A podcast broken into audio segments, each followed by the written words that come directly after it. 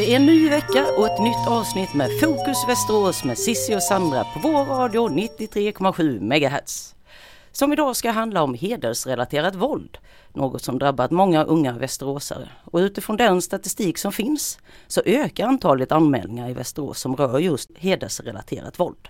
Och många är vi väl som kommer ihåg Fadime som talade i november 2001 inför riksdagen under ett seminarium om våld mot kvinnor utifrån sina egna upplevelser av hedersrelaterat våld. Två månader senare, 21 januari 2002, mördades hon av sin egen far. Det är 18 år sedan men hederskultur, hedersrelaterat våld och förtryck är en ständigt aktuell fråga. Och Västerås stad, de satsar resurser för att komma till bukt med den här problematiken. I höstas antogs en handlingsplan mot hedersrelaterat våld och förtryck. Och vid årsskiftet startade Isis Melin sin nya tjänst som utvecklare mot hedersrelaterat våld och förtryck på barn och utbildningsförvaltningen. Välkommen hit! Tack, tack! Ja, du har ju nyligen tillträtt den här rollen som samordnare och utvecklare. eh, Men du har ju lång erfarenhet av den här problematiken. Kan du berätta lite om din bakgrund? Jag har arbetat just mot hedersvåld sedan 2004. Eh, Det var så jag startade min karriär efter utbildningen. Jag är beteendevetare i botten. Eh, Och jag började att arbeta i en verksamhet i Eskilstuna faktiskt. Som just riktade sig till barn och unga som levde under hedersförtryck. Och sen när jag började jobba i Västerås så fortsatte jag på den banan. Mm. Fast i skolans värld. Och nu har det antagits en handlingsplan och olika strategier. Kan du i lite stora drag beskriva vad den handlar om? Handlingsplanen bygger egentligen på ett ganska långt arbete sedan tidigare. Eh, det är ju inte så att vi bara har börjat jobba med heder just när vi antog den här handlingsplanen utan inom grundskolan så har man jobbat väldigt aktivt sedan 2007 redan inom IDA-projektet som sedan blev IDA-enheten och sen bytte det namn till inkluderingsteamet. Eh, Där det har varit eh, fler än jag som har arbetat med den här frågan. Vi har skrivit handlingsplaner som är kommunövergripande för alla skolor om hur man upptäcker och agerar när barn och unga lever i hedersförtryck. Och vi har också samverkat med socialtjänsten under många år och har en gemensam handbok med socialtjänsten till exempel. Det som är nytt egentligen det är att nu blir handlingsplanen förvaltningsövergripande. Det betyder att vi kommer jobba på förskolan, vi kommer jobba i grundskolan och så kommer vi att också att arbeta på gymnasieskolan. Det är det som är nytt och vi gör aktiviteter som är riktade utifrån varje verksamhets behov. Mm. Vad är det för typ av aktiviteter som ni gör då till exempel? Ja, och för att ta reda på vad det var verksamheten behövde så gjorde vi en enkätundersökning bland alla rektorer på förskolan, grundskolan och gymnasiet. Eh, och behoven ser olika ut. Eh, inom förskolan eh, fanns det önskemål om att få ökad kompetens inom könsstympningsfrågor som är en central del i hedersförtrycket och våldet.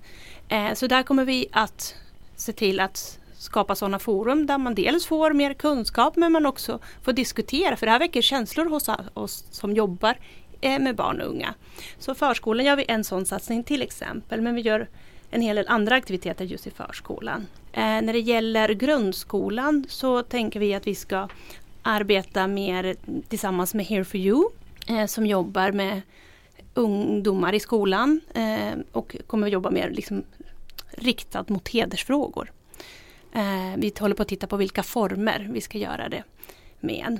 Och på gymnasiet kan jag nämna att vi har en tanke om att utveckla ett nytt koncept som är ganska likt barnpiloter. Fast eh, just nu är arbetsnamnet HRV coacher, alltså coacher som har spetskompetens inom hedersrelaterat våld och förtryck. Där man som pedagog på sin skola kan söka upp den här HRV-coachen och bara du, jag har en tanke om att det här, min elev kan vara utsatt. Och så kan de bolla med varandra. Hur svårt är det att upptäcka det här då, att någon är utsatt? Jag tänker för att kunna upptäcka utsatthet av vilket slag som helst så behöver vi ha kunskap om vad det är. Och det är ju också ett behov som samtliga verksamheter har och det är kompetensutveckling. Vi vill veta mer om vad det är och hur ser det ut för barn i olika åldrar. Hur upptäcker vi det i förskolan? Hur upptäcker vi det i grundskolan? Hur ser det ut på gymnasiet? För att vi har olika behov ju äldre vi blir. Eh, och vi är olika beroende av våra eh, föräldrar och vi vill liksom frigöra oss eh, ju äldre vi blir. Och får man det, så det ser väldigt olika ut. Det berättar alltså Isis Melin, utvecklare mot hedersrelaterat våld och förtryck. Och nu ska vi ta och lyssna på Tracy Chapman och Fast Car. Ja, det var alltså Tracy Chapman och Fast Car. Och ni lyssnar på vår radio 93,7 MHz. Fokus Västerås med Sissi och Sandra. Och Jajamän. vi har med oss Isis Melin i studion och vi pratar om hedersrelaterat våld och förtryck.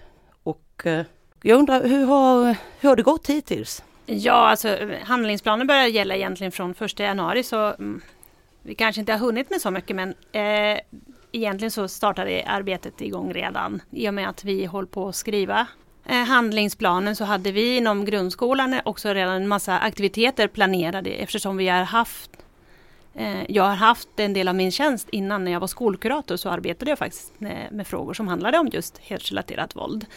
Så det vi har gjort är att liksom bara fortsätta eh, jobba. Eh, vi har hunnit eh, börja planera eh, Hederskuppen till exempel. Det är en futsalkupp som riktar sig till elever i årskurs 5. Eh, både på kommunala skolor och fristående skolor. Det gör vi i samarbete med bland annat Länsstyrelsen, Flickinitiativet, Schysst framtid och Svenska fotbollförbundet. Mm. Eh, och polisens eh, också idrottsförening. Mhm. Eh, det vi gör då är att vi lyfter frågor om hedersrelaterat våld och förtryck genom att eh, eh, vi har tagit fram ett material om hur man kan jobba med det i klassrummet till exempel som eh, har sin grund i barnkonventionen. Mm. Och så får de också i klassrummet arbeta med det egentligen, hur man faktiskt kan vinna den här kuppen. Och det är inte genom att spela bäst fotboll eller futsal utan genom att skriva den bästa hejaramsan som handlar om just mänskliga rättigheter och hedersrelaterat våld. Okej, Ja, så det är lite, lite roligt.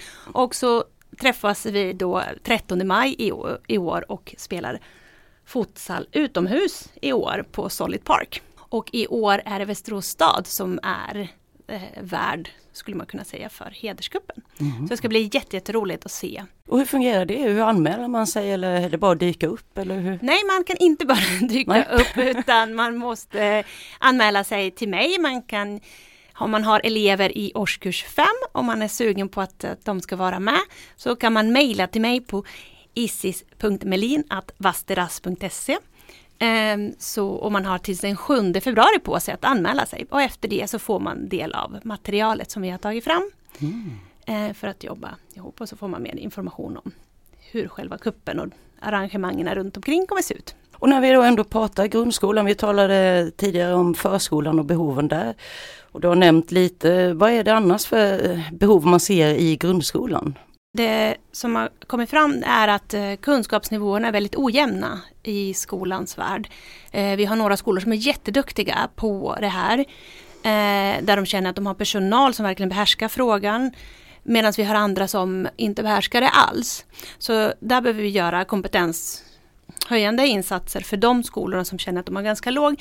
Men för de skolorna som faktiskt kan lite mer så behöver vi också höja ribban och ge dem mer på fötter så att de ska bli ännu duktigare i det här. Eh, Så det blir en hel del sådana eh, insatser under årens gång. Ehm, Det som också är, och det kommer vi göra på alla tre skolverksamheter, det är att jag kommer att ha referensgrupper som består av eh, rektorer och elevhälsopersonal. Då får ju de berätta vad det de ser för behov. Vad mer kan vi ta fram? I förskolan kommer vi till exempel att ta fram ett material som eh, rektorerna kan använda på sina arbetsplatsträffar. Där man kan diskutera frågor om heder. För vi ska inte glömma bort att hedersförtryck och våld drabbar inte bara barn och unga. Det drabbar vuxna och vi kanske har kollegor som lever under hedersförtryck. Och då är det jätteviktigt att vi, vi alla på arbetsplatsen kan ha en idé, en tanke om hur kan det se ut. Så att man också ger möjlighet att om du vill ha hjälp så finns vi här. Det är inget måste men jag tänker att det är sådana saker som vi inte heller får glömma bort. Att hedersförtryck och våld drabbar inte bara barn och unga, det drabbar vuxna också förstås. Är det alla skolor som får ta del av det här då eller är det de som kontaktar er? Tanken är att alla skolor ska få erbjudande om att få ta del av våra insatser. Mm. Eh, sen är det ju så att skolans värld är ju, skolans arena vill alla in i och pedagogerna har fullt upp. Mm. Så vi får göra det i den mån de vill. Eh, och sen får vi göra särskilda satsningar. Eh, så vi börjar med de som vill först och sen kommer vi in i de andra när det finns möjlighet. Eh, och det är redan flera förskolor som har skrivit. När man började höra om att det här var på gång så redan i höstas så fick jag flera förfrågningar från förskolor om att komma och föreläsa om heder till exempel. Eh, och även grundskolor. Så att vi har grejer på gång. Så att det började egentligen långt innan mm. handlingsplanen antogs. Hur eh, utbrett är det här med hedersrelaterat våld i Västerås? Vi har ingen kartläggning i Västerås. Eh, I de tre storstäderna så gjorde man en kartläggning som kom ut 2018 om jag inte minns helt fel.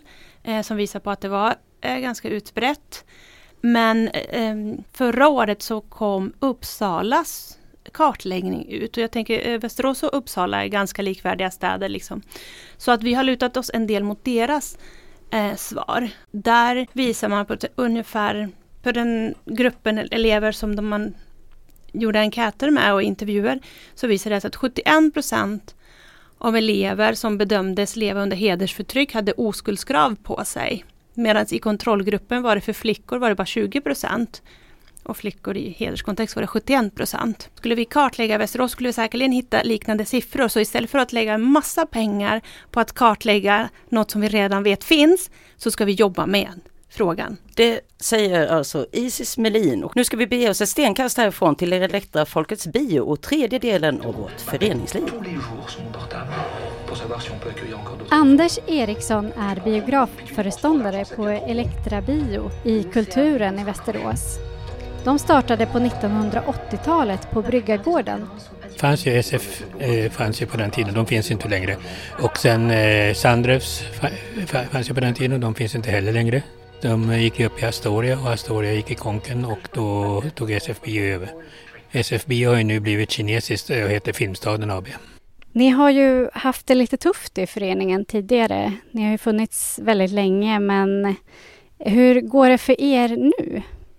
Ja, ekonomiskt så går det ju runt i alla fall. Det var ju lite krisartat förra året ett tag men, men det har ju ordnat upp sig i stort sett. Så kallade kvalitetsfilmer är föreningen signum och för att locka besökare så har de direktsända filmer med bland annat opera och ballett. Vi har ju lite sådana här specialgrejer som eh, gör att folk eh, vill gå på bio här som direktsända eh, livegrejer som eh, opera och ballett och sånt där. Och sen har vi ju då film och samtal någon gång i veckan eh, under högsäsong där man kan träffa folk som antingen har med filmen att göra eller som kan prata lite mer om filmens ämne. Eh, vi försöker köra alla filmer som distribueras av Folkets Bio, vår moderförening då. Men eh, sen i övrigt så försöker man se vad som då har fått eh, goda omdömen utifrån. Då. Det är svårt att veta om inte filmen haft premiär än men har de fått eh, pris i Cannes så är det extra intressant till exempel. Har du någon egen favoritfilm som går just nu? Jag såg en del av mitt hjärta häromdagen och det var ju en trevlig liten film som bygger på Thomas Ledin musik. Den var ju fint gjord som musikal men eh, storymässigt så är det väl ganska enkelt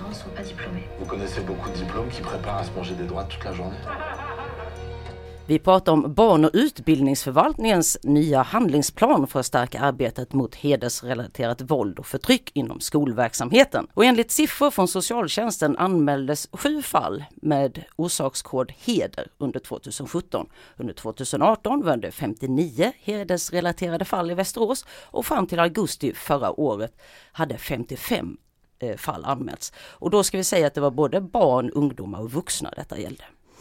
Och Isis, vad tror du den här ökningen beror på?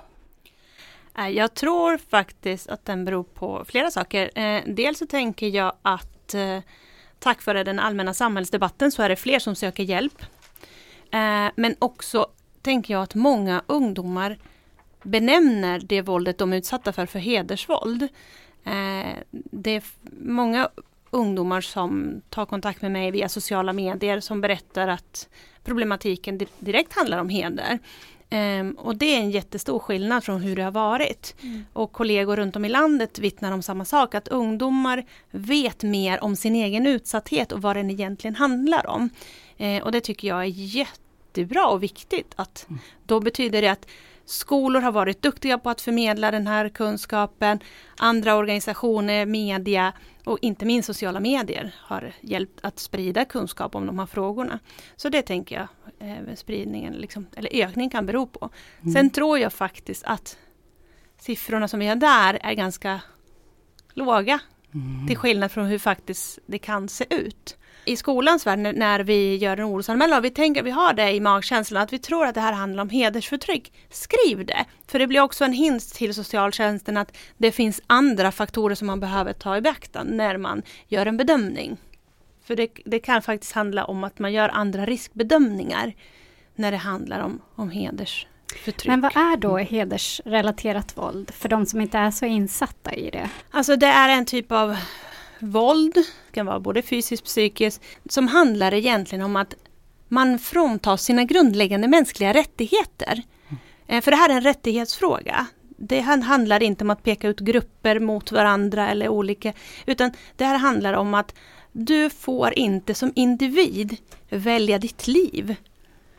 Du får inte välja din kärlek, du får inte välja din utbildning. Alla val du gör ska godkännas av ett kollektiv.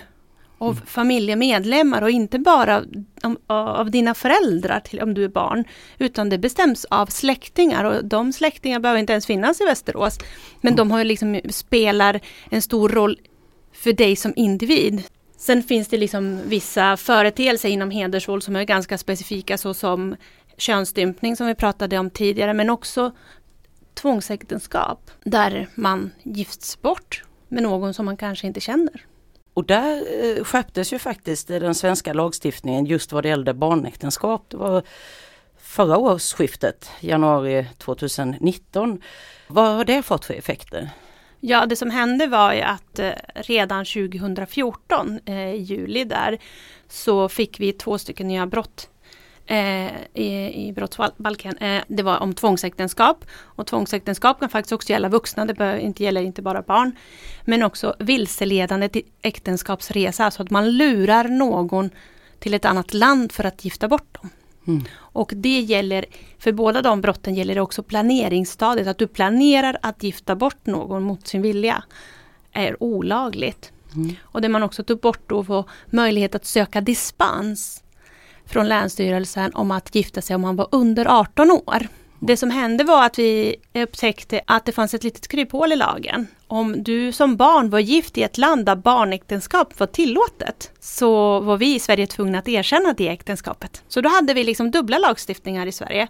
Vi hade en lag som sa att barn får inte vara gifta samtidigt som att barn från vissa länder fick vara gifta. Mm. Och då tänker jag, vad är barnperspektivet i det här? Ja, det kan man och det var den skärpningen som kom förra året, att vi från januari 2019 erkänner inga utländska barnäktenskap. För det ska vi veta att när ett barn väl, väl är utanför Sveriges gränser så är våran handlingsutrymme liten. Mm. Det är ett väldigt litet handlingsutrymme när vi, när vi väl tappar ett barn som blivit, blivit eh, bortförd. Hur ser du på framtiden med det här med hedersrelaterat eh, våld? Kan man få det att minska genom de här insatserna som ni gör? Ja, det är klart det är min förhoppning. Annars skulle jag inte jobba med det här om jag inte trodde att det kunde bli bättre. Mm. Eh, och jag tänker, och det är som jag blir glad över, nu har jag jobbat med den här frågan i så många år, att jag ser att fler och fler har kunskap om det och det är så skönt att känna att man inte är ensam i de här frågorna. Att man behöver inte bara ringa till mig, det finns ju många andra man kan luta sig mot. Mm. Eh, och jag tänker att ju mer vi visar barn och unga och även vuxna som är utsatta för våld och hedersvåld, att vi kan och vi förstår och vi har hjälp att ge dig, desto bättre blir det för dem. Ja. Så jag har en förhoppning om att insatserna ska leda till att jag vet inte om det blir färre, men att åtminstone att de känner att de kan söka hjälp och att vi har hjälp att ge. Mm. Det är min förhoppning. Handlingsplanen löper fram till 2022. Hur ser det ut sen? En handlingsplan är någonting som sen revideras och jag tänker att vi måste utvärdera våra aktiviteter regelbundet. Gör vi rätt? För det är inte bara för att det är så skrivet där att eh, vi, vi, vi ska bara göra det in i absurdum utan märker vi att men det här var fel insatser då måste vi ändra. Men då utvärderar vi hela tiden och när de här åren har gått så kommer vi att eh, revidera den och lägga till nya. Så gör vi med alla handlingsplaner. Vi reviderar dem och lägger till nytt, tar bort det som inte funkar och satsar på nya saker. Du har jobbat i 15 år med de här frågorna. Hur har utvecklingen sett ut under de här åren? Ja, alltså kunskapen om den här frågan har ökat enormt. Eh, det har det gjort. Eh, men också antalet barn och unga som lever i det här, eller att vi hittar dem lättare nu för att vi ser problematiken som vi inte gjorde tidigare. Det jag kan tycka är synd och en tråkig utveckling, det är just det här eh, diskussionen som förs om att några eh, hävdar att den här typen av, när man pratar om hedersförtryck och våld så är, är, man ute efter att peka ut vissa grupper eller vissa religioner. Och jag vill verkligen eh, sitta här och säga att så är det inte. Det är inte det vi är ute efter men det är den debatten som, som har förts. Medan jag tänker det här är för mig och många andra och det är den andra delen av debatten att det här är en rättighetsfråga. Det här handlar om att barn och unga vuxna fråntas sina grundläggande mänskliga rättigheter. Och det har inget med var du kommer ifrån, var du, vem du väljer att tro på, utan det här handlar om att barn och unga och vuxna måste få välja ett liv i frihet. Och jag tänker precis som Fadime sa till riksdagen eh, när hon talade att vänd dem inte ryggen, vänd inte de här barn och unga ryggen. För att gör vi det då var allt hon gjorde och det många andra gjort med henne vart förgäves. Tack Isis Melin för att du kom hit och gästade oss och belyste den här frågan. Nu ska vi lyssna på U2 och One, Fadimes älsklingslåt. Det där var U2 och One, en låt som vi spelar för att hedra minnet till Fadime. Det var nämligen mm, hennes. Det var ju hennes favoritlåt. Precis. Det vi veta av Isis Melin som var med oss här i studion. Och nu är det dags för min favoritpunkt på dagordningen. Veckans Västerås med Sissi! Ja, tack så mycket Sandra. Jag tänkte berätta att idag den 27 januari så, så kommer det vara invigning av minnesveckan för Förintelsens dag. Och det börjar alltså klockan fyra i Västerås domkyrka. Och sen kommer det då under hela den här veckan ske olika evenemang här i Västerås. Imorgon tisdag till exempel så kommer det att vara ett samtal med Here for you. Och det handlar om hur och varför vi undervisar unga om Förintelsen. Och det här sker i Stadsbiblioteket. Sen hoppar jag fram lite. På lördag kommer man att kunna få lyssna till vittnesmål från Förintelsen och då är det ju tredje generationen som kommer att att berätta vad som händer då. Något som är väldigt viktigt att uppmärksamma tycker jag. Man får ju aldrig glömma historien för att gör vi det då är det ju kört. Då kan den ju lätt upprepa sig igen. Det var allt vi hade att bjuda på för denna gång. Nästa program sänds kvart över sju den 3 februari och Fokus Västerås med Sissi och Sandra finns ju även på Facebook. Så gå in och gilla oss där så missar du ingenting utav allt det roliga som vi bjuder på. Vi hörs på måndag! Det gör vi!